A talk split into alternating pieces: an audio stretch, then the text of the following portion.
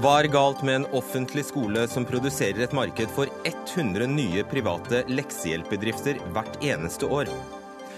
Ny EU-rapport slår fast biodiesel nær dobbelt så skadelig for klimaet som vanlig diesel og bensin. Og i Norge fortsetter politikerne satsingen på biodiesel. Vi får de politikerne vi fortjener, sier vi ofte.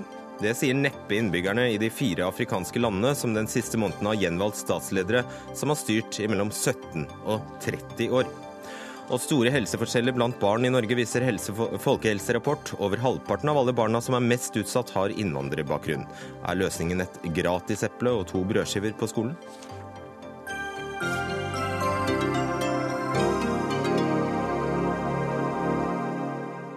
God kveld og velkommen til Dagsnytt 18 på NRK P2 eller NRK2. Jeg heter Fredrik Solvang. Profesjonell, privat leksehjelp til barna brer om seg. Kompliserte regnestykker blir forklart med og løst for de unge elevene etter ordinær skoletid for 600 kroner timen med privatlærere som veiledere. De siste tre årene er det opprettet 100 slike bedrifter årlig, viser tall VG har hentet inn fra Statistisk sentralbyrå og Brønnøysundregisteret. Så nå er det på papiret over 1000 slike foretak i landet. Vibeke G. Fengsrud, daglig leder i House of Math og mattelærer. Dere har holdt på med privatundervisnings i denne bransjen under privatundervisningsbransjen i ti år. Hvordan vil du beskrive utviklingen eh, siden dere startet opp i 2006? Nei, når jeg startet dette, så var jeg mattestudent på Blindern. Eh, og da var det litt sånn ekstra penger i fòret. Det har jeg selvfølgelig ikke sagt høyt. Eh, og etter hvert så ble på en måte tilfanget så enormt stort at jeg ble helt avhengig av å formalisere det. Uh, og så er jo jeg bare én person. Og etter hvert som uh, folk ønsket mer hjelp, så ble de nødt til å ansette, og så vokste det helt naturlig. Så det var ikke noe sånn at man var ute og drev med aggressiv reklame at nå skal vi ut og ta verden og vi skal overkjøre norsk skole. Det var veldig mye det at det, det var rett og slett ikke nok kapasitet. Og du har gått fra én ansatt til Ja, nå er vi 90 pluss et eller annet sted. Ja. Jeg mister tellinga. Hva er prisen hos dere? 600 kroner. Det er det vi tar for en hel klokketime. Og vi anbefaler da likevel at du har to timer samtidig, sånn at du får ordentlig utnytte av den tiden du bruker. Alright. Karoline Frigstad, du er 16 år og uh, elev ved Oslo Handelsgymnasium på førsteåret. Mm. Du har Vibeke Fengsrud som privatlærer i matematikk én gang i uka, stemmer det? Ja, sånn cirka. Ja, og to timer, som Vibeke sier her, og du begynte etter jul. Hvordan hadde det gått på skolen, tror du, dersom du ikke hadde hatt disse ekstratimene? Jeg merker at jeg faller veldig av i timene. Så å ha disse timene for meg, det gjør på en måte at jeg får mye mer tro på meg selv. Og når jeg ikke får til ting i timen, da, så føler jeg at det er noen som tar ekstra tid til meg for at jeg skal få det til. Så for meg så har det vært veldig stor hjelp. Mm. Er det vanlig blant vennene dine å ha denne formen for ekstrahjelp? Det er en del som har det, og så er det noen Ja, det er egentlig veldig blandet. Så noen har det? Ja. Mm. Det er ganske dyrt, da. 600 kroner. Ja. Det er ikke du som betaler, kanskje? Uh, nei, det er mamma og pappa som velger å prioritere det. Mm. Uh, kan du se resultater? Har du fått uh, bedre resultater? Mm, ja, det vil jeg si. Men jeg vil også på en måte si at jeg skjønner mye mer selv før jeg får resultatene. Da, fordi jeg må jo jobbe veldig mye på egen hånd for å få det til. Så det er jo ikke sånn at hvis jeg tar en time i uken, så vil jo ikke karakterene mine stige med en gang. Men jeg må gjøre en innsats selv. Så. Kan du prøve å gi et eksempel på hva Vibeke gjør helt uh, konkret sammen med deg, som gjør at du skjønner, skjønner matematikken bedre? Um, hun er veldig ryddig, og så er det Hun er veldig opptatt av at vi skal følge med. Sånn i timen så er det sånn at jeg kan sitte der, og så bare faller jeg av. Mens når jeg har Vibeke, så er hun veldig opptatt av at alle skal følge med hele tiden. Og hvis jeg bare tar blikket mitt til siden, så griper hun liksom tak i det og sier at hei, nå følger du med. Ok. Og det er veldig bra. det er bra. Er dere flere da, skjønner jeg? Det er ikke bare deg der? Er, mm, jeg har vært på sånn kurs også. Sånn med Jeg vet ikke hvor mange det er. 15-20 stykker. Ja. Ok. Men til vanlig er det deg og kanskje en eller to andre? Ja, jeg har bare hatt med ba, alene. Ba, bare alene, ok. okay. Uh, Fengsrud, hva mener du er hovedårsaken til at stadig flere foreldre gjør dette? Jeg tror det er mange årsaker til det. Uh, primært så har vi veldig store klasser. Jeg tror det er veldig vanskelig for én lærer å følge opp 30 elever. Uh, selv gikk jeg på en skole hvor vi har 20 elever i klassen, og det i seg selv kunne være nok. Det krever veldig mye av en lærer å være motiverende nok og holde noens oppmerksomhet i 45 minutter hver eneste dag i seks timer av gangen, selv om du får de friminuttene som er. Så det å være lærer det er et ekstremt vanskelig yrke. For det er ikke bare det at du skal ha fagkompetanse, men du må også være en naturlig leder, og du må klare å lede den flokken du har i klasserommet. Og det er veldig mye disse tingene jeg føler kanskje skorter på.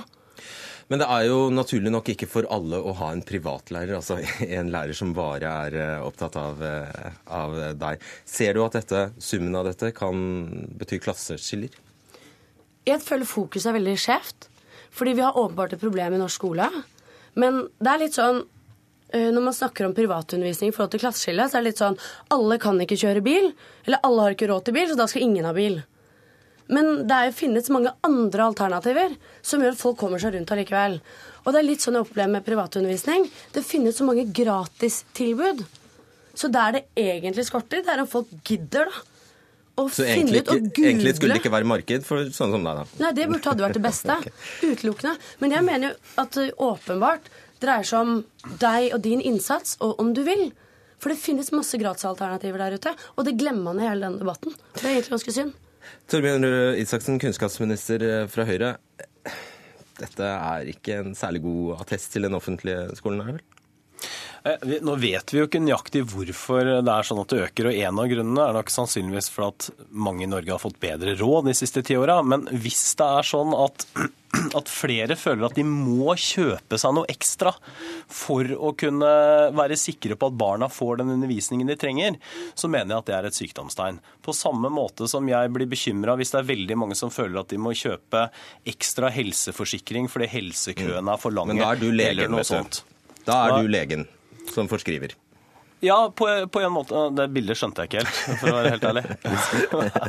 Hvis skolen er pasienten, så er du legen. Ja, ja nettopp. Ja. Ja, så det er Nei, du som har makt og mulighet til betyr, å gjøre noe med dette. Ja, altså det betyr jo at, og det, Da er det jo én ting som jeg mener vi ikke verken kan eller bør gjøre, og det er å si at dette er noe vi kan forby, eller det burde ikke være tillatt. Selvfølgelig må det være lov for foreldre å bruke ekstra penger på undervisning til barna sine.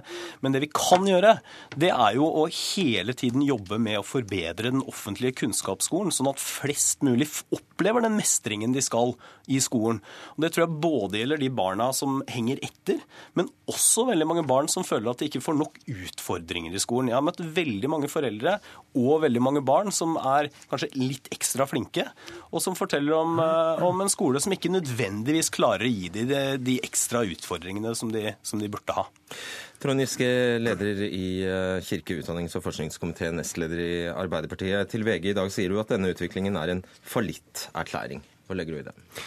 Nei, Jeg mener jo egentlig som Vibeke da, at dette burde jo ideelt sett vært unødvendig. At eh, alle barn og unge fikk den oppfølginga i skolen som var tilstrekkelig. Én-til-én-undervisning er kanskje Ja, altså jeg, jeg, litt mye. ja, men altså jeg forstår foreldre som ser at eh, kampen om eh, plasser i høyere utdanning er beinhard. Én av fire i hvert kull går ut av videregående skole uten å bestå.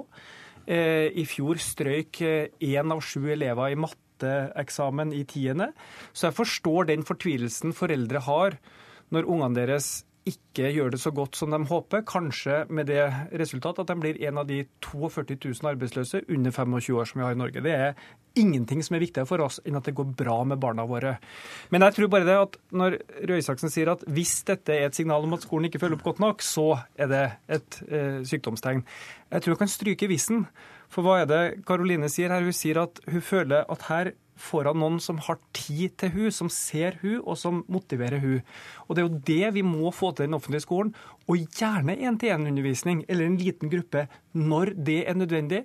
Og gjerne, som Vibeke sier, ikke bare faglig videreutdanning og kompetansebygging, men motivasjon, formidling, menneskekunnskap, det å være en klasseleder. Men Eske, nå var dere to invitert hit for å debattere mot hverandre. Er det noen politisk forskjell på, på deg og kunnskapsministeren? Ja, altså Jeg har jo sittet i dette studio og diskutert med representanter fra Høyre om klassestørrelse har betydning, hvor Høyre har vist til forskning som sier, mener dem, at hvor mange elever en lærer har, ikke har betydning for skoleresultat. Der går det en dyp kløft mellom Arbeiderpartiet og Høyre. Jeg er helt sikker på at en av grunnene til at dette tilbudet eh, trengs, det er at eh, mange lærere opplever at de har for mange elever å ta vare på. Og er, altså Hvis du har 30 elever gjennom en time, du kan, du, kan, bare regne ut hvor mange minutter Du trenger ikke engang å stå i matte for å regne ut hvor mange minutter det blir. For. Det blir altfor lite. Det er, det er helt riktig. Selvfølgelig har klassestørrelse betydning. Det er jo det, heller aldri noen fra Høyre som har sagt noe annet enn det, håper jeg. Altså Har du 100 elever eller 40 elever? Men det vi sier, er at det er ikke noe automatisk sammenheng mellom de kommunene eller skolene som bruker mest penger, og de som får best resultater.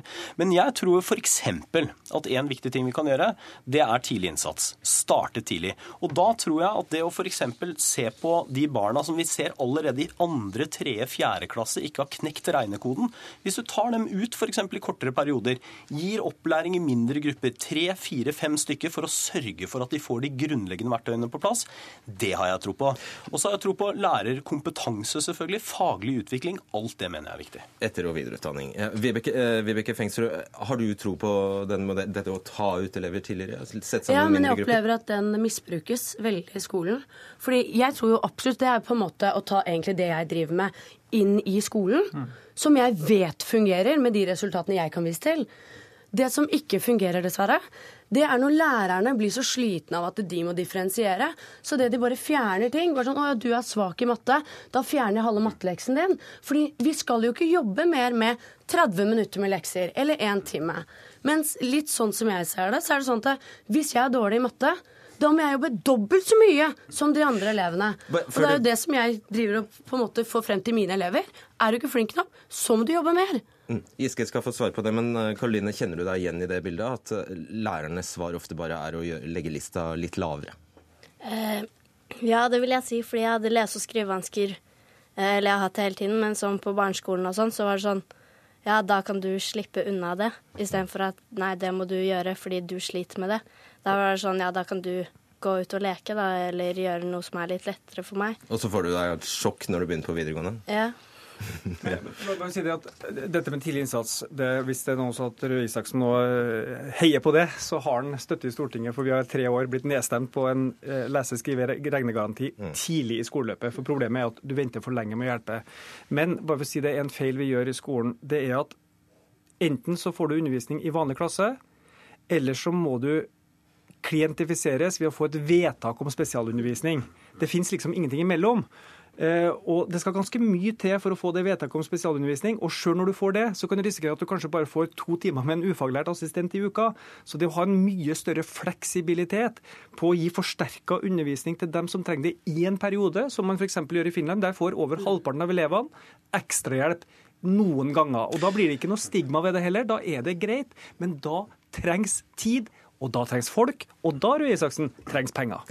Er helt enig, og det, det, er en av de tingene som vi holder på å jobbe med nå. Det er å ikke bare snakke om tidlig innsats, men å gjøre noe med det. Og hvordan kan vi lage både et regelverk og ha ressurser til å kunne sette inn tidlig innsats for de elevene som trenger det mest tidlig i skoleløpet. Men så tror jeg, bare for å vende tilbake til utgangspunktet i diskusjonen, så er det jo ikke sikkert at alt det altså Jeg tror ikke det nødvendigvis vil gjøre at privat leksehjelp blir borte. Eh, og sannheten er nok det også at vi, vi vet ikke helt For det første vet vi ikke helt om omfanget. Vi vet ikke hvilke elever som velger å bruke det. Vi ser at det vokser mest i Oslo. Samtidig så er jo Oslo-skolen eh, etter de fleste målestokker vi har, et av de skolesystemene i landet som gjør det aller best. Og med flest tester, kanskje det har en sammenheng? Eh, jo, Det er mulig at det er en sammenheng, men det er nå også eh, blant de, blant de, skolene, blant de fylkene og kommunene i hele landet som gir elevene et best utgangspunkt. Så mye av dette kan også henge sammen med en samfunnsutvikling som gjør det desto viktigere at vi også er opptatt av kvalitet og innhold i de offentlige tjenestene. Og de pengene vi snakker om, Giske, det er altså for å komme, for, for å komme opp på et nivå med så mange lærere som, som uh, Vibeke kanskje mener skulle til. Så, så, mye penger har ikke du heller. Ingen Nei, altså, Det kan godt hende at vi alltid vil ha et sånt tilbud. Det, folk må bruke pengene sine som de vil. Men vi må sørge for en skole som ikke gjør det nødvendig for folk. For da får du et klasseskille. Altså Når folk nå i hotell og restaurant streiker kanskje for å få jeg vet ikke, 200 kroner timen, så er det jo helt umulig å betale 600 kroner timen for denne type ting. Det vil bli et klasseskille. Og igjen, når vi er ute på skolene og spør lærerne hva skal til for å hjelpe dem, vet jo hvilke elever som sliter. Så sier de utelukkende gi meg mer tid. Gi meg tid til å se den enkelte, gi meg tid til å følge opp den enkelte. Og da er det dumt, jeg vet at du ikke liker at vi snakker om skattekutt, men det er dumt å bruke Der kom den. 40 ganger så mye på skattekutt som på styrking av grunnskole og videregående, slik Røe Isaksen gjorde i forrige budsjett. Hvis det hadde vært riktig, det er enda er dummere, det er enda er dummere, å ha en, det er enda dummere å ha en skolepolitikk som baserer seg, eller som utelukkende består i å ikke gi Ja, skattekutt. skjønner det. Ja, Ja. Stort, stort Nei, da, men hvis du er bruker penger på skole, så er det bra for Dere skal slippe Og elever. ja, ja. eh, Hva får du igjen for dette her? Det kommer an på hva du Som lærer, er da. Mm. Altså, for meg, jeg skulle aldri bli lærer. Det var det mest håpløse yrket jeg kunne tenke meg. Og så plutselig så jeg her, og bare det er det eneste jeg vil gjøre. For det er en utrolig sterk opplevelse å se på noen og undervise, og så ser de deg tilbake og bare Dette skjønte jeg. Den eh, opplevelsen der er ekstremt sterk. Og den gjør at uansett hva jeg driver med, så er jeg ute etter å fortsette å undervise, for den vil jeg ha tilbake. Og Karoline, hvor lenge tenker du at du trenger dette? En stund til, i hvert fall. Er det noe spesielt du, er- Har du et spesielt siktemål? Nei, eller jeg vet i hvert fall at jeg må ta opp matte til neste år. Uansett utfall i år. Men uh, målet mitt er vel å klare å få fem eller seks i T, og Oi. så ta opp R1 og R2. Bra. Lykke til. Takk. Og kjempefint at dere kom. Takk skal dere ha. Karoline Frigstad, Vibeke Fengsrud, Trond Giske og Torbjørn Røe Isaksen.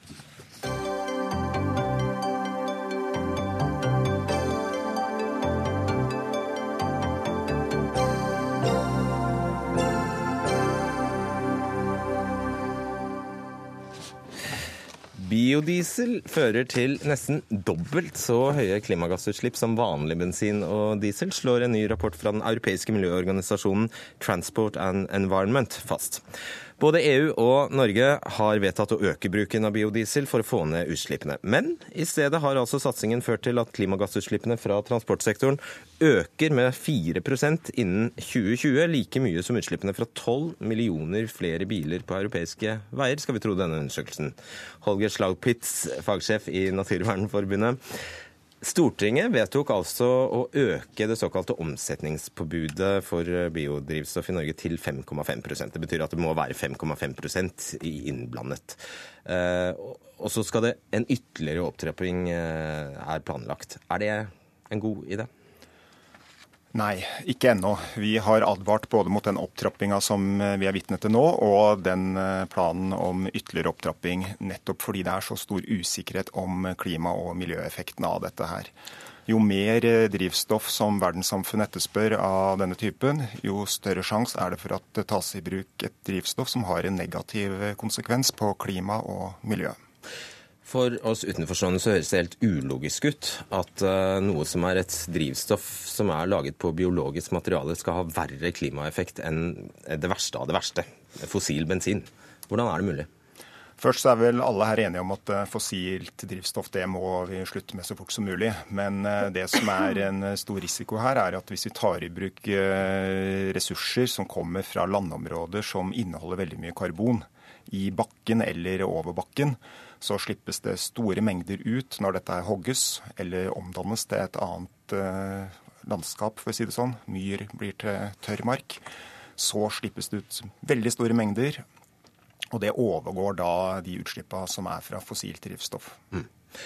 Kari Asheim, fagansvarlig for transport i Miljøstiftelsen eh, Zero. Det er alltid hyggelig å kunne sette to miljøorganisasjoner opp mot hverandre, og det skal vi prøve på her. Fordi dere er eh, Det er altså tre og et halvt år til 2020 som denne rapporten peker på, og hvis denne stemmer, så eh, vil dere som har støttet bruk av mer biodrivstoff, altså ha sørget for at klimagassutslippene øker tilsvarende 12 millioner flere biler i Europa.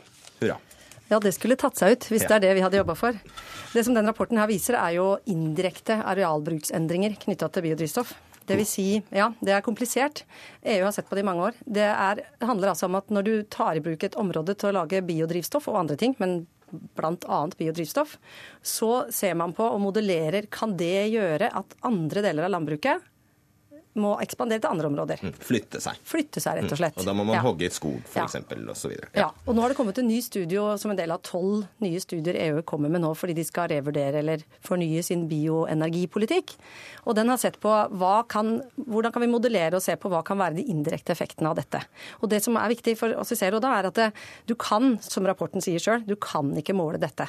Det, er, det bygger på modellering av hva, altså hele det globale markedet og landbruket. Eh, hvor, hva skjer et sted hvis du Er øker produksjonen et annet sted? Absolutt, fordi disse utslippene kommer jo ikke fra biodrivstoffet. De kommer fra helt andre steder der landbruk eh, etablerer seg på, sånn som Holger sa, karbonrik jord, eller der man hogger regnskog eller lignende. Og det er ikke fordi man dyrker biodrivstoff der. Det er fordi i en modell så kan det være at eh, det har blitt tatt i bruk arealer i et annet område, f.eks. til kjøttproduksjon eller annet landbruk, som gir de utslippene. Og Og hvis du skal legge det på biodrivstoff, så er det jo helt umulig egentlig å satse på biodrivstoff. fordi at da vil du aldri, Hvis du som bonde da tar i bruk et brakkland i EU, som har ligget brakk fordi du har kanskje blitt betalt av EU for ikke å drive landbruk der, for ikke å øke matprisene, så vil du få en sånn eh, sjablongmessig verdi som sier at det er store utslipp fordi du tok i bruk det arealet. Men det ikke er det. Svar på det. Ja, altså, Jeg er jo enig med Kari i utgangspunktet, her, men poenget er at dette er veldig vanskelig å styre. Hvordan skal vi greie å hindre at eh, karbonrike områder blir tatt i bruk når verdenssamfunnet etterspør mer og mer biodrivstoff? Og Det er jo ikke bare Norge som eh, gjør det nå, det er EU, det er andre land som skal fase ut sine fossile utslipp. Og eh, da er det sånn at eh, Vi må naturligvis jobbe for kriterier som gjør at vi hindrer ødeleggelse av disse områdene som skaper så høye klimagassutslipp. Men hvordan skal vi få til det på noen få år i et eh, globalt marked? Det er derfor vi må passe på å ta i bruk Ja, jeg må svare på det, for EU har jo bærekraftkriterier til biodrivstoff, og det er jo egentlig det eneste bioproduktet som har kriterier om å ikke ta i bruk regnskog, ikke ta i bruk våtmark, myr, torv osv. Karbonrike områder. Så vi har jo et sett bærekraftskriterier til biodrivstoff som passer på at biodrivstoff direkte ikke bidrar til sånne arealbruksendringer. Ok. Så der har de jo de kriteriene. Pluss at EU har en sånn 7 det det ene skyver da ut det andre. Det er det som er faren her. Og når samfunnet er så energiavhengig som det er i dag, så, så er dette her dessverre en konsekvens hvis alle vil ha mer biodrivstoff. Det er det vi er vitne til i den, eller ser fra denne rapporten. Og da må vi også ha flere tanker i huet samtidig når vi snakker om transport og drivstoff. Vi må faktisk klare å senke energibehovet, satse på elbiler, kollektivtransport osv. Hvis, ikke, hvis vi bare lener oss tilbake og satser på at biodrivstoffet skal redde oss, da er vi på et blindspor. Det er eh, mot føre-var-prinsippet, mener vi. Jeg vil kommentere på flere tanker i hodet samtidig. For Zero har jo sett på hvordan vi kan få til en utslippsfri transportsektor. Og da har vi sett på virkelig, hvis du tar i og reduserer transportbehovet, hvis du får mer sykling, gange, hvis du elektrifiserer hele bilparken og hele bussparken i de store byene og mye av langtransporten og får inn hydrogen, likevel så vil du trenge biodrivstoff for å få til et utslippsfritt transportsystem. Og jeg har ikke sett en eneste studie internasjonalt som viser hvordan vi kan få til dette uten bruk av bio også. Så det er jo mitt spørsmål til deg da, Holger. Hvordan hvordan kan du få til å eliminere det fossile, hvis ikke du vil ta i bruk mer okay, biodrivstoff enn det vi gjør i dag? Prøv å svare på det på ti sekunder. Ja, altså, Vi må være sikre på at det vi tar i bruk er bedre enn det vi erstatter det med. Og Det første vi må ta i bruk da av bioressurser, det er biogass og andre ting fra matavfall, fra næringsmiddelindustrien, fra skogindustri og osv. Det må vi ta i bruk, og da kan Norge lage biodrivstoff istedenfor importere noe som er usikkert. Lars Andreas Lunde, du er statssekretær i Klima- og miljødepartementet for eh, Høyre. Dere er faktisk pålagt av Stortinget å legge fram en eh, plan for ytterligere opptrapping av omsetningskravet for biodrivstoff fram mot eh, 2020. Konklusjonen gir seg vel nærmest selv etter denne rapporten? Eh, Ja, Vi er både pålagt å komme tilbake til Stortinget med et forslag om å øke omsetningskravet til 7% i 2017, og vi har også bedt om å lage en plan. Men den planen vil jo først og fremst innebære å gjøre biodrivstoff også mer bærekraftig. Eh, Og det er ikke noe nytt for så vidt, som den rapporten sier, at eh, dagens biodrivstoff har en tvilsom klimaeffekt. Norge har jo også arbeidet overfor EU for at også de indirekte effektene som Åsheim her viser til, også skal inn i EUs bærekraftskriterier. Tvilsom er vel en omskrivning negativ? det er, vel- det, er litt, det er litt usikker i rapporten, rapporter, da, men det er riktig at den rapporten som det vises til her, viser en negativ. Men nå er det jo litt, litt, ulike, litt ulike, konklusjoner. Men jeg tror vi kan være enige om at det i hvert fall er i beste fall en, en tvilsom effekt. Men hvordan kan Stortinget da bare bestemme at ja, dette skal vi ha mer av? Nå nå, vi, nå må vi basere oss, Vi skal ikke basere oss på dagens biodrivstoff fremover. Vi må, vi må over til mer bærekraftig biodrivstoff. I første rekke såkalt annengenerasjons biodrivstoff, som også Chapuis her var, var, inne på. Som altså, ikke er mat, da. Ja, altså avfall fra, tre, avfall, fra, fra treindustrien og andre former for avfall som ikke fortrenger matproduksjon, slik at man får både direkte og indirekte eh, negative klimaeffekter ut av det. Artig du skulle si det, fordi vi har invitert Bjart Holsmark, forsker i SSB, som kan en del om det å lage biodrivstoff på bl.a. Eh, tre, trevirke. Hva er klimaeffekten av å gjøre det? Altså, Hvis du gjør som eh, statssekretæren sier, og lage biodrivstoff av avfall fra treindustrien, så er det greit nok. Men uh, da kommer du ikke veldig langt. Da får du, får du, bare helt marginale mengder biodrivstoff. Hvis du skal få biodrivstoff som i det hele tatt monner litt grann fra norsk skog, så må du øke hogsten uh, veldig mye. Og da er, viser min forskning, basert på mange publiserte studier, at det også vil øke utslippene gjennom hele dette århundret. Hvordan kan det, altså? Ja, årsaken er altså at hvis du skal gjøre det, så må du øke hogsten, som jeg nevnte. Og hvis du skal øke hogsten betydelig, så vil du til enhver tid eh, ha mange hogstflater i skogen. Ikke sant? Det sier seg jo selv. Og det sier seg også selv at en hogstflate den har mye mindre karbon enn eh, en, en, velvoksen skog som ellers ville stått der. Så Derfor blir skogen da et mye mindre karbonlager enn eh, hvis du lar skogen stå. Svar på det. Ja, det, men vi, Derfor mener vi at det bruker du hele treet, slik som Holsmark her viser til, så er det riktig at det kan nok ha en negativ eh, klimaeffekt. Derfor er det vi først og fremst må bruke avfall. altså grener, Som gir kvist, veldig små mengder Ja, så er det ikke bare fra tre, men det er annet avfall også. Og så må man jo se på biodrivstoff sammen med andre fornybare energikilder, som el og, og, og, hydrogen. Men det er klart også biodrivstoff må ha en plass i fremtidens uh, transportløsninger. Skal vi bort fra fossilt, og, og skal vi nå klimamålen, så må vi foreta store Man kan jo ikke bare bestemme, politisk bestemme det vi sier negativ klimaeffekt. Det er jo uh, Vi satser jo på flere. Vi satser jo på elbiler og vi satser på hydrogen også. Men det er klart vi ser jo også at biodrivstoff vil ha en viktig plass i fremtidens eh, transportsystem. Ikke minst for tungtransport og for fly, hvor, hvor så langt ikke el er noe, er noe alternativ. Eh, altså, altså, Hvis Kina og Russland eh, ikke er med på å innføre, for jeg har forstått at dere ønsker egentlig en helt annen eh, Dere ønsker ideelt sett like regler over hele verden, og det er jo kanskje til syvende og sist eneste som vil hjelpe. Eh, på dette området. Men la oss si at Kina og Russland ikke er med på noen, eh, på noen eh, felles miljøkrav til all produksjon av, av biomasse. Da. da kan jo vi i Norge eller EU bare holde, holde på med strenge krav så mye vi vil, uten at det har noen global klimaeffekt? Jeg tror EUs bærekraftskrav til biodrivstoff har veldig stor effekt. Fordi de er med å skjerpe den bransjen som produserer biodrivstoff. Og det er det jeg vil kommentere også litt på det med klima, klimaeffekt, som har blitt nevnt som tvilsom her. Altså fra 1.1.2017 så stiller EUs bærekraftskrav krav om at alt biodrivstoff skal være minst 50% innebære minst 50% reduksjon i forhold til fossilt drivstoff. Og Den er skjerpa fra 35% som gjelder nå, og den kommer til å skjerpes framover.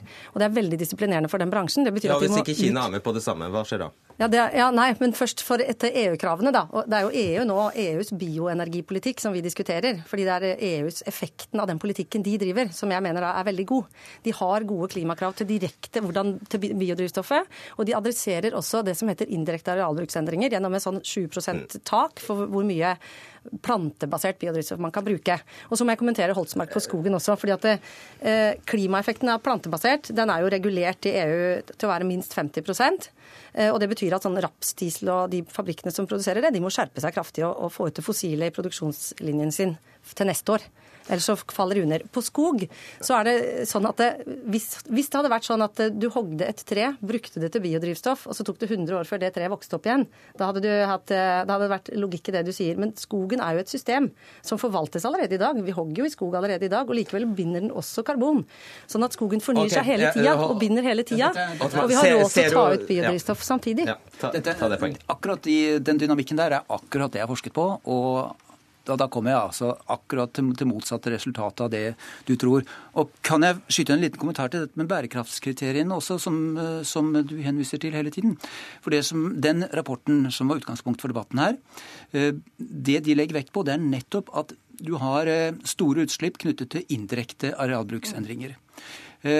Og bærekraftskriteriene, som du også sa, og som står på Miljødirektoratets hjemmesider, de, de tar ikke hensyn til det. Nei, de kan Sånn, ikke det. nei, de kan ikke det, og er derfor så er så, så du Derfor kan ikke dekke deg de bak de. mål, da, men, ja. Nei. Ja, men De tar jo hensyn til hele utslippet knytta til biodrivstoff. Nei, de tar ikke hensyn til alle utslippene, de Men, tar bare som det, og nå kommer vi til Eh, vårt forslag. det er at Hvis du utvider sånne kriterier og stiller arealkrav også til annen bruk av biomasse, så vil du klare å Til mat stoppe utslipp okay. knytta til arealbruk fra biomasse. Ja, altså Både Holtsmarks eh, poenger og det som kommer fram i den rapporten som eh, du inn, viste til innledningsvis, eh, viser jo at det er stor usikkerhet rundt dette her. Og klimautfordringene er jo så store at vi må ikke nå ta noen feilsteg, investere store beløp i anlegg og legge opp til en politikk som som bærer oss i en retning som i verste fall gir betydelig økte utslipp. Det er Da, derfor vi både, da argumenterer egentlig både du og Halsmark for å bruke fossilt drivstoff. Nei, altså vi er er argumenterer for at vi faktisk må gjøre noe med det totale energiforbruket i transportsektoren, og løse da flere miljøproblemer, både klima og andre ting. Samtidig ha større fokus på det. Og, foreløpig, og, og Lunde, det som foreløpig har skjedd da, ved å øke dette omsetningskravet til 5,5% er som vi vet at vi har fått masse palmeolje inn i norske biler på norske tanker. Ja, vi har ikke fått masse, da. Men uh, forstås er palmeolje en, eh, en liten del. Men det er klart at det Du vet ikke hvor mye det er, du. Ingen vet det. Nei, eh, men, men, men, det viktigste er at vi nå må få på plass neste generasjons biodrivstoff. Altså det er klart at Dagens biodrivstoff er på mange, er på mange måter en overgang til det biodrivstoffet vi skal ha i fremtiden, og som må komme i dag, i tillegg, som tillegg til el og hydrogen og de andre måter. For vi, vi, vi må ta store klimakutt i transportsektoren, og da må vi over på et mer bærekraftig drivstoff. Vi får bare krysse alt vi har for at det går en vakker dag. Jeg beklager, vi må sette strekk. Takk skal dere ha, Holger Slaupitz, Lars Andreas Lunde, Kari Asheim og Bjart Holsmark.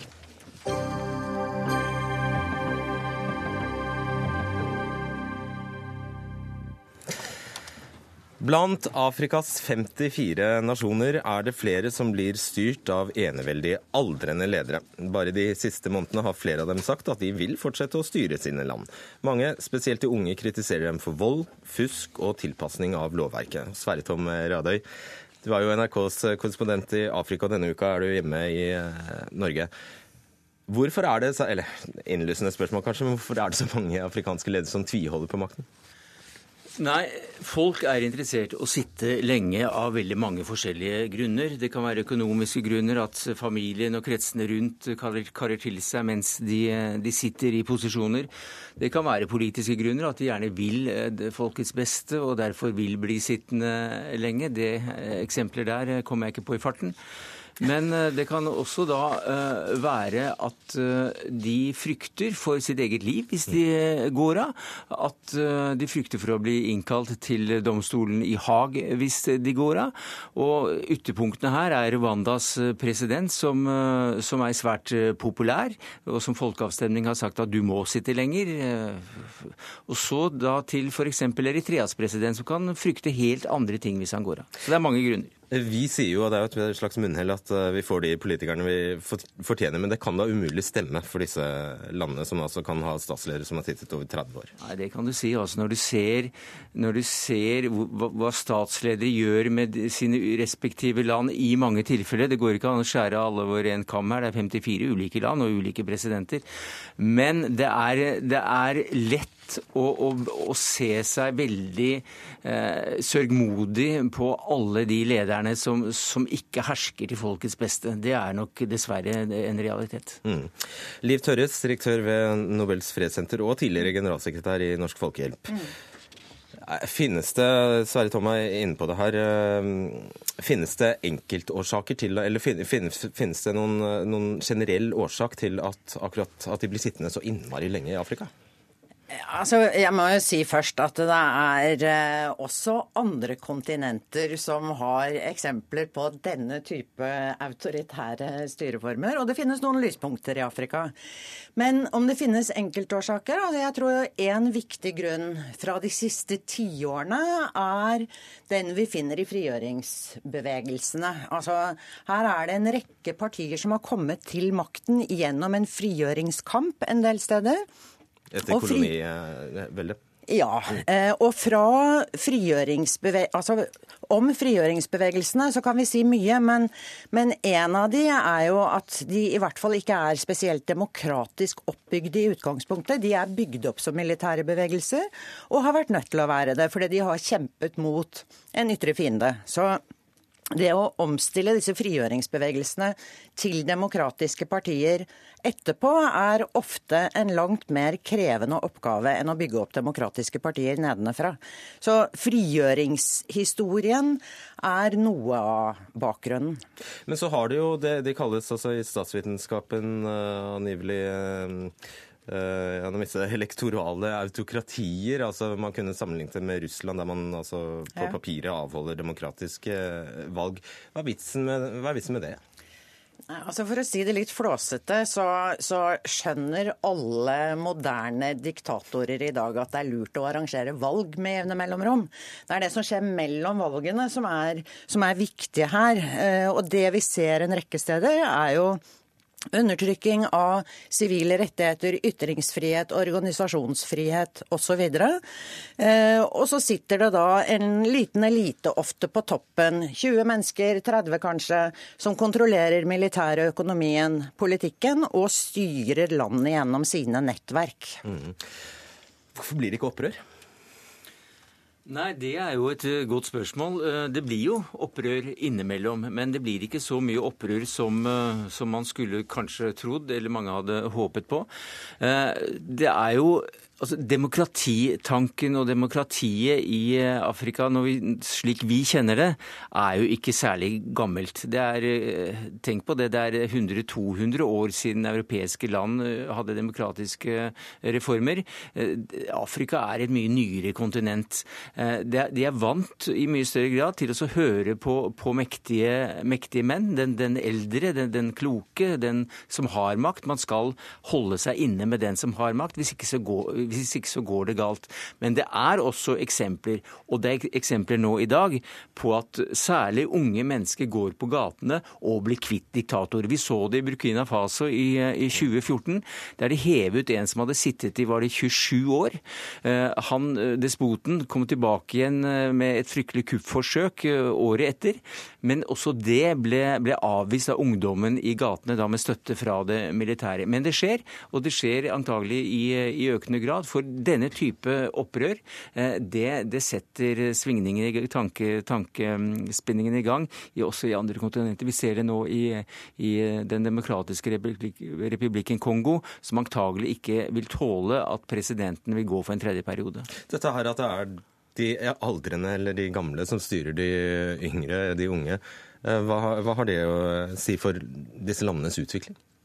Det bidrar nok til å liksom øke presset nedenfra blant ungdommen. Og jeg tror det som er viktig å ha med seg her, er jo at parallelt med undertrykking av demokrati i en rekke av disse landene, så har du økende ulikhet. Og det betyr jo også at disse landene, mange av disse landene er liksom trykkokere hvor det på et tidspunkt blir massemobilisering. Og en del steder uten at det er sterke organisasjoner som kan på en måte kanalisere og styre de protestbølgene. Og det er i hvert fall ikke utviklingsfremmende. Det kan bli ganske krevende situasjoner en del steder. Du har f.eks. et land som Zimbabwe, der Mugabe, frigjøringshelten fra, fra, fra 80-årene, eh, fremdeles sitter av. 92 år.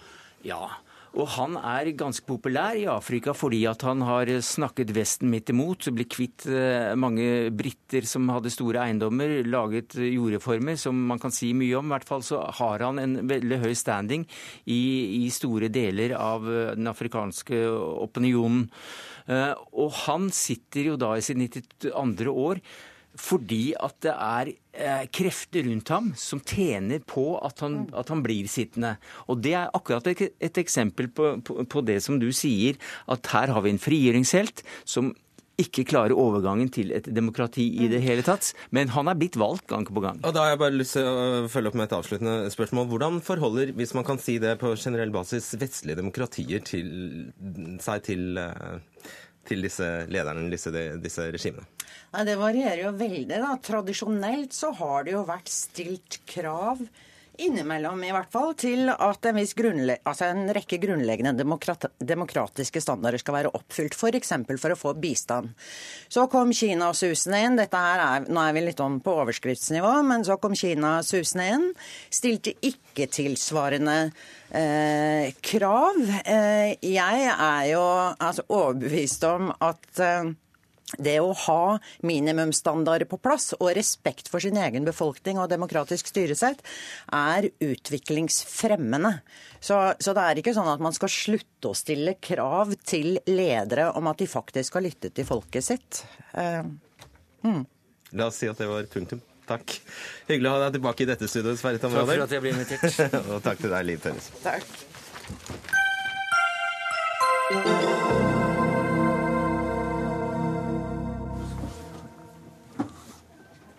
Ett av elleve barn i Norge vokser opp i et hjem med vedvarende lav inntekt og risikerer overvekt, fysisk inaktivitet, usunt kosthold og bruk av rusmidler. Og over halvparten av alle barn i Norge som lever i fattige familier, har innvandrerbakgrunn. Dette ifølge rapporten Barn, miljø og helse, som ble lagt fram av Folkehelseinstituttet. Og der er du direktør for uh, direktør, Camilla Stoltenberg, rett og slett. Hvem ligger dårligst an, hvis man kan uh, si det? Det er eh, klar sosial ulikhet i helse for barn i Norge. Og det ser vi enten vi ser på hvor eh, utsatt de er for støy, støyplager, eh, eller vi ser på rusmidler, eller vi ser på foreldrenes psykiske lidelser eller fedme og overvekt. Så det er helt spekter av ulike risikofaktorer og helsefremmende forhold som varierer med foreldrenes inntekt og utdanning. Og som jeg nevnte, så er det altså eh, grovt sett en gruppe vi kan kalle innvandrere og deres avkommere som kommer uh, dårligst ut. Det, har dere brutt ned på land igjen i denne gruppa? Ikke i ikke denne rapporten. Uh, så i denne rapporten handler det først og fremst om at uh, folk med innvandrerbakgrunn oftere har lav inntekt og utdanning enn andre i befolkningen. Hvordan er man utsatt for mer støy f.eks. hvis man har lav inntekt? Fordi man bor steder der det er billigere å bo, og det er mer trafikkutsatt. Uh, så helt generelt, hva, hvilken sammenheng er det mellom lav inntekt og helsa til barna? Den er slik at de som har foreldre med lav inntekt og utdanning, de er oftere utsatt for helseskadelige påvirkningsfaktorer. Hm. Torgeir Micaelsen, helsepolitisk statsperson i eh, Arbeiderpartiet. Sånn kan vi ikke ha det? Nei, så kan vi ikke ha det. Og Dessverre er disse tallene eh, nedslående, men de er ikke overraskende. og De bekrefter mange av de funnene som vi vet, og som vi har jobbet med i mange år. Eh, og som gir resultater på noen, ja, noen fronter, men som for en del unger er rett og slett eh, veldig ille. Fordi som tallene viser, du er altså helt prisgitt foreldra dine, og hvis de tjener dårlig, så har det da entydig sammenheng, nesten. Med at det da blir svakere helse i løpet av altså livsløpet. Hvis du går til min hjemby Drammen, f.eks., altså, ta de banale eksemplene. Jeg vet godt eh, hvor disse familiene bor. De bor ofte da i områder hvor boligprisen er det halve av det det er i, eh, ellers i landet. Eh, de bor i nærheten av trafikkfarlige veier. I det hele tatt er dette ja, noe vi egentlig burde bli enige om på tvers av, tvers av partigrensa. Mm, vi burde gjøre mer med. Nettopp. Hva er sosialdemokratiets hovedsvar på dette i Norge i 2016? Hovedsvaret er å satse videre på et samfunn som er prega av små forskjeller. Derfor bør vi gjøre mye for å unngå uh, ja, grep i skattepolitikken og andre ting. Der kom det. Ja. ja, men dette er ikke noe jeg finner på. Dette står i rapporten, at man bør bygge på et samfunn med små forskjeller. og Derfor bør man unngå å gjøre som dagens regjering og øke forskjellene gradvis. Men Hvordan skal du konkret få fattige til å flytte til dyrere boliger? Og så vil jeg, vil jeg, bygge på de arenaene vi har som er felles. og Da bør vi da eh, gjeninnføre frukt og grønt, som vi har nå eh, i skolen. Som vi har kunnskapsmessig belegg gjør at unger eter mer frukt og grønt. Eh, det gjør også de barna vi snakker om her. Vi bør innføre et enkelt skolemåltid i Norge. Vi bør innføre én times fysisk aktivitet hver dag, slik at alle unger, ikke bare de okay. foreldra som ja, har aktive foreldre Fjerner ikke støyproblemet, da? Nei, nei, men det er også sånne banale ting som byplanlegging, det å legge til rette for variert boligbygging. Men da vil vel debatten din bli ganske lang og utmattende. Ja, den er du ikke invitert. det er sant.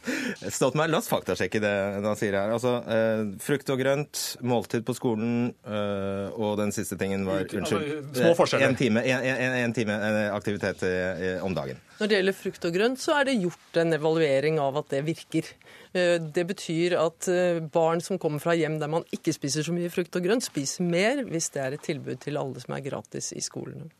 Men vil du utjevne forskjeller? Ja, det utjevner jo forskjeller når det gjelder kostholdet. Ja. OK. Litt rett. Noe rett. Ja. Jeg syns dette var ganske oppløftende. Dette er tross alt en, en embetskvinne som uttaler seg om politiske forhold, så jeg syns ikke vi skal forvente at uh, man sier Arbeiderpartiets politikk er uh, svaret Nei, det er lik. Nei, nei, nettopp. Eh, men jeg syns kanskje at uh, dagens regjeringspartier nå har styrt snart i tre år, og kanskje kunne nå svare på om disse konkrete forslagene eh, kunne gjennomføres. Eh, Tone Trønd, du er helsepolitisk statsperson i eh, Høyre. Eh, kan du fortelle hvordan dere aktivt jobber for å utjevne disse forskjellene? Ja, Det aller, aller viktigste, vi gjør for å utjevne disse forskjellene, er å sørge for at barn har en trygg og god barnehage. At man eh, ved å ha en åpen barnehage eh, sørger for at man får god språkopplæring eh, og en god vei inn i skolen. Og så er det selvfølgelig det å ha en god skole. Det aller, aller viktigste vi gjør i skolen, er faktisk å satse på læring. Det som utjevner forskjeller, er om du har utdanning eller ikke. Så vår satsing eh, handler jo om en eh, satsing på barnehager, en eh, satsing på skoler og en god lærer, og ikke minst en utrolig viktig satsing på skolehelsetjeneste. Men dette eplet har du ikke råd til. Vi kan være enige om veldig mye, Torgeir Micaelsen og jeg. Vi gjør mye for at skolene skal legge til rette for daglig fysisk aktivitet. Det skjer veldig mye i, bra i norsk skole når det gjelder å, å sørge for det. Eh, Og så er det vel eh, sånn at vi som foreldre har enklere, tross alt, for å putte et eple i sekken, enn å kompensere for eventuelt en lærersmykke. Men så er det jo også sånn at ikke ikke er alle foreldre gjør det. Og da sier Stoltenberg at det er faktisk med på å utjevne en forskjell på helse. Men det vi, først, det vi først og fremst må sikre, for vi er også opptatt av at barn skal spise sunt. Og jeg syns det er viktig å trekke fram at sammenlignet med andre, eh, andre land i Europa, så spiser norske barn sunt. Eh, De beveger seg mye. Eh, Men det vi ser først og fremst er viktig for å utjevne forskjeller, det er å sørge for en god skole. Og det er Høyres politikk, og det kommer til å være Høyres politikk. Okay. At vi satser på læreren, og at vi satser på at barn og unge får en trygg og god utdanning og kan skaffe seg en jobb. po- po- poenget tror jeg, er at det er ikke det som er hovedsatsingen til din regjering. Du gjør hele tiden et poeng ut av at vi må velge mellom å satse på lærere eller satse på skolefrukt eller andre type folkehelsetiltak. Det er helt feil. Din regjering bruker omtrent 50 millioner kroner om dagen på å kutte skattene. Men de har ikke tatt penger fra skolen. Det kan du ikke Det har de ikke, men jeg hørte denne utmerkede debatten du Fredrik Solvang, hadde eh, som første sak i dag mellom Trond Giske og vår utdanningsminister. Eh, Og Der er det jo langt på vei stor enighet om disse tiltakene som Trøen påpeker, med unntak av ett, at eh, lærerne bør få mer tid til hver elev. Det vi diskuterer, er om vi skal gjøre nye tiltak som vi vet vil virke utjevnende, og da velger dessverre regjeringen helt feil prioriteringer. Eh, Og det er synd, men vi kommer i morgen eh, Trøen, til å foreslå én times fysisk aktivitet i skolen, så nå kan du få lov til å støtte det her på direkten hvis du vil. Dette, kort på det skal jeg stille Dette har vi diskutert i. Stortinget allerede, og disse tiltakene er vi i veldig stor grad enige om. Og regjeringen gjennomfører veldig mye på disse områdene. som du... Hvilke tiltak da er det du henviser til? lyst, men nå har jeg lyst til å kom, eh, kom, eh, kommentere dette med skatteletter. For det viktigste er faktisk at vi har et godt næringsliv Ja. og Nei, du- jobb og jobb og jobb eh, til Du ikke skal få kommentere det. og jobb, og jobb, til, barn, og jobb til barna våre når de er ferdig utdannet. Eh, Camilla Stoltenberg, eh, vet vi, finnes det noen kulturelle forskjeller som kan forklare disse helseforskjellene? Altså, er det, er det noe i oppdragelse? Er det noe i Det vet man jo en del om. om Det er ikke det vi har sett på Nei. i denne rapporten. Her har vi vært opptatt av å sammenstille de siste årenes forskning i Norge om barns helse, basert på de påvirkningsfaktorene og hvordan de varierer sosialt. Så vi har rett og slett beskrevet det, og ikke gått inn på de kulturelle forskjellene her. Anviser, anviser dere noen hovedsvar? Nei, vi har ikke tenkt å gi svarene heller. Vi har sagt litt om hva vi vet virker. Og f.eks. det som er den viktigste dødsårsaken, enkeltstående dødsårsaken for barn og unge, det er fortsatt ulykker. Ulykkeskader. Det dør 50 barn i året pga. ulykker. Her vet vi ikke engang om det varierer sosialt, det er vi i ferd med å undersøke, men det tar litt tid. Eh, Men der har vi jo sett en formidabel nedgang fra 50-tallet, og spesielt fra 70-tallet. Så det er en stor suksess på det området når det gjelder å forebygge, men det gjenstår altså 50 dødsfall i året, og det bør det være mulig å gjøre noe med. Mm. Eh, er det, slik, det er jo ikke bare dårlige nyheter i denne rapporten. Fordi, Nei, det er nesten bare gode. Eh, Nesten bare gode, Mm. ja. fordi det viser, Den viser faktisk at fedmen blant unge har stabilisert seg. Mhm. Hva kan forklaringen være på det? Eh, Det vet vi jo heller ikke helt, men eh, vi vet at det har skjedd i en gruppe barn der også si, høy fødselsvekt har gått ned ganske raskt. Og det igjen har skjedd samtidig som det har vært en nedgang i inntaket av sukkerholdige drikkevarer. Så har man ikke helt kartlagt årsakssammenhengene der, men det er sannsynlig at det er en sammenheng der. Så vi kan håpe at den uh, utflatingen av fedmeepidemien nå holder seg, og eventuelt til og med går ned etter hvert. Mm. Men hos 17-åringer ser vi fortsatt en økning. Nettopp. Ja, ja, nei, altså det, det, er helt enig at det er veldig mange uh, oppløftende uh, nyheter egentlig i den undersøkelsen. Altså Én ting som ikke har kommet så godt fram, er at åtte av ti ungdommer på ungdomsskolen for eksempel, har minst én venn de er fortrolige med. Men tallene viser også at det er én av ti ungdommer som ikke har en venn i det hele tatt. Uh, så vi har en del å, å, å, jobbe med. Når det gjelder dette med fedme og overvekt, så er det bra at dette stabiliserer seg. men jeg tror fortsatt at her vil også tallene vise at de sosiale forskjellene er store, og til og med kan bidra til å forsterke det inntrykket vi har om at de av oss som er opptatt av å leve sunt, være aktive, bidrar til å løfte våre egne barns vaner, eh, mens de foreldrene som har mindre ressurser og ikke er fullt så opptatt av dette, eh, får barn som henger etter. Og Dette kalles jo egentlig klasseforskjeller, men kanskje ikke det i ditt vokabular?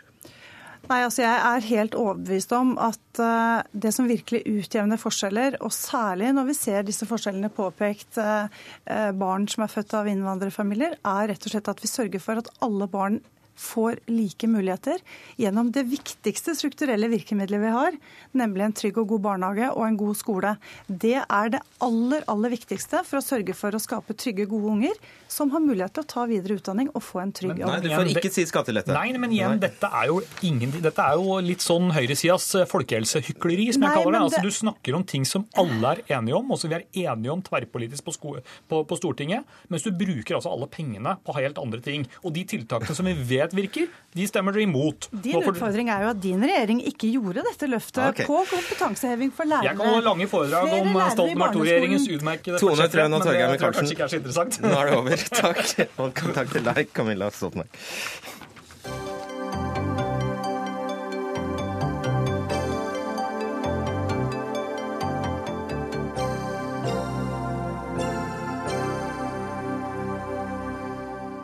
For vi må jo ha tid til å snakke om at de eh, videregående skolene i de tre nordligste fylkene havner helt på bunn i skolekvalitetsundersøkelsen. De har dårligere karakterer, og færre fullfører skolen. Og nå vil kunnskapsminister Torbjørn Røe Isaksen sende eksperthjelp nordover. Og det er da du sier at dette er svartmaling av skolen i Nord-Norge. Eh, du er eh, Thomas Norgård, du er fylkesleder i Troms i Utdanningsforbundet. Hva slags svartmaling er det snakk om? Ja, Vi eh, har nå tillatt oss å begå en liten kronikk hvor vi har påpekt noen historiske fakta i tilknytning til den rapporten som er kommet fra Senter for økonomisk forskning. Eh, det er et bredere bilde å tegne av den videregående opplæringa i fylket. og eh, Det har blitt en liten sånn et lite kretsmesterskap i svartmaling av den videregående skolen i eh, landsdelen, som jeg ikke syns tjener noen hensikt annet enn kanskje å dekke enkeltes markeringsbehov. Men du prøver ikke å løpe fra, fra tallenes tale. Altså, det er slik at I ditt fylke, Troms, eh, skårer skolene 1,86 på en skala som går til 6, mens snittet, landsgjennomsnittet er 3,10. Nei, vi går ikke i rette med tallene. Tallene er helt, eh, helt klare, dem. Vi jeg har ikke noe grunnlag for å, å hevde at Senter for økonomisk forskning gjør en, en, dårlig jobb. De tror vi på. Eh, det som jo er litt spesielt, er jo at eh, de her tallene er ikke, eh, de er ikke for det første helt ferske, og de er for det andre faktisk ikke ukjent. Mm. Og Derfor har det også skjedd ganske mye i den videregående skolen både i Troms og i Nordland og Finnmark. Og Der er noen utfordringer som vi er nødt til å ta på alvor og som bl.a. handler om muligheten for å komme ut i læra for de som er halvveis i sitt yrkesopplæringsløp. Yes. Kommentator i Dagbladet Inger Merete Hobbelstad, du skriver 'Hva er det med Finnmark?' i en kommentar i dag. Hva er, hva er det med Finnmark? Eh, du, det er et komplekst eh, sammenvevd bilde av årsaker og virkninger som har å gjøre med at Finnmark plasserer seg i bunnen av disse kåringene igjen og igjen. Og, jeg tenkte jo når jeg leser den kronikken som ble vist til her, at er litt, det er litt synd at den er såpass defensiv som den er. fordi dette er jo også et bilde som er blitt bekreftet av en rekke andre forskningsrapporter, mange av dem som jo er eh, holdt, altså utviklet i Nord-Norge, så det er ikke noe som kommer, kommer utenfra. Og i stedet for å se dette som en sånn linje på en måte måte mistenkeliggjøring utenfra, så er det noe med at dette er et problem som må tas tak i. For det er jo ikke eh, elevenes feil på en måte at de gang på gang havner nederst på disse statistikkene. Det er jo noe med at de ikke blir tatt vare på, at de ikke blir, eh, får den skolegangen som de bør ha for å ha samme muligheter til videre utdanning som eh, elevene fra andre deler av landet. Og Der syns jeg både statlige og regionale myndigheter bør ta ansvar og, og jobbe sammen i stedet for på en måte å peke litt til hverandre. Her var det vel ingenting du kunne være uenig i, vel? Nei, og, og Hobbelstad har levert en glimrende skrevet uh, artikkel. Nå er han riktignok en avskilta norsklærer, så det, det, spiller kanskje ikke så stor rolle hvordan min kritikk er. Men jeg syns kanskje at overskriften og uh, beskrivelsen av vår uh, lille artikkel er kanskje litt begrensa i forhold til innholdet. For det er helt rett som du sier. Bildet er komplekst, og det er tall som vi vet noe om. men det har likevel skjedd en utvikling, og har også, vi har også statistisk grunnlag for å si at utviklinga går på rett vei. Og jeg mener at vi var ganske tydelige på at vi har et forbedringspotensial på den videregående opplæringa. Det, det, vil jeg holde fast ved at vi har skrevet og sagt flere ganger. Ok, Før dere blir helt enige her. Mm. Altså, når, når Hobbelstad trekker fram eh, nærheten til naturen og lange avstander i, til skolene, altså mellom, eh, mellom skolene i, i, i, spesielt Finnmark, da, eh, som en forklaring på disse resultatene, er det, er det plausibelt, mener du? Ja, nå skal jeg slutte å skryte denne artikkelen opp i skyene, men hun har jo et bredere faktagrunnlag eh, enn noen andre kommentatorer jeg har sett. Fordi at Det er laga tidligere rapporter om dette temaet som peker på kulturelle forskjeller. Eh, og Det står også i den eh, SØF-rapporten på side 37 at det kan ligge forklaringsmodeller på det her som eh, kan være kulturelt og næringsbetinga. Men det betyr jo ikke at vi skal lene oss tilbake og si at her kan vi ikke gjøre noe. Eh, vi er nødt til å, å sørge for å, å, forbedre kvaliteten på det opplæringstilbudet som elevene i hele landsdelen får kontinuerlig. Både med hensyn til at næringen eh, og næringsveiene endres, eh, men også det at eh, det vil være et behov for, for å få en større grad av fullføring i den videregående opplæringa. Ja. ja, altså Det som slo meg da jeg satte meg inn i dette og begynte også å lese de tidligere forskningsrapportene, for det er jo rapporter da altså fra, to, altså det er fra 2009, fra 2012, fra 2013 som, som bekrefter ja. det samme. Uh, og det er jo dette at veldig mange av respondentene snakker jo nettopp om dette at uh, altså det er hva som oppfattes som det gode liv der de bor. Kanskje, er, altså kanskje svarer de litt annerledes enn hva elever andre steder i landet gjør. Og det er litt sånn, altså De kommer jo fra et fylke der uh, foreldre har altså det har vært stabilt jobb å få i fiske, i primærnæringene. det har ikke vært, man har ikke opplevd at det har vært det samme behovet for høyere utdannelse for at du skal kunne få deg jobb. Så fiske- og primærnæringen har vært et helt naturlig valg. Og da er man prisgitt vær og vind, og hvis det er storm, så kan man ikke dra på havet. Og dermed så må man på en måte tilpasse seg naturens rytme og gang i større grad. Og at kanskje derfor det blir idealer om å være mer i øyeblikket, ha god tid, ikke strebe så mye, som kanskje fester seg i, eh, i kulturen, men som nå gjør at mange setter det opp mot skolegang, altså mot det å være ambisiøs, eh, få akademiske Eh, gode, gode, resultater.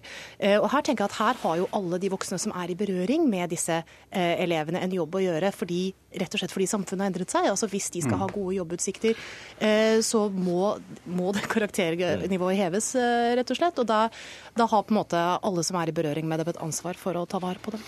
Ja, det synes jeg er et godt poeng, men jeg vil gjerne trekke inn et annet moment som ikke har vært fremme i debatten. og Det er den, den kontinuerlige omstillinga som de videregående skolene i Distrikts-Norge har vært eh, utsatt for i, i, svært mange år.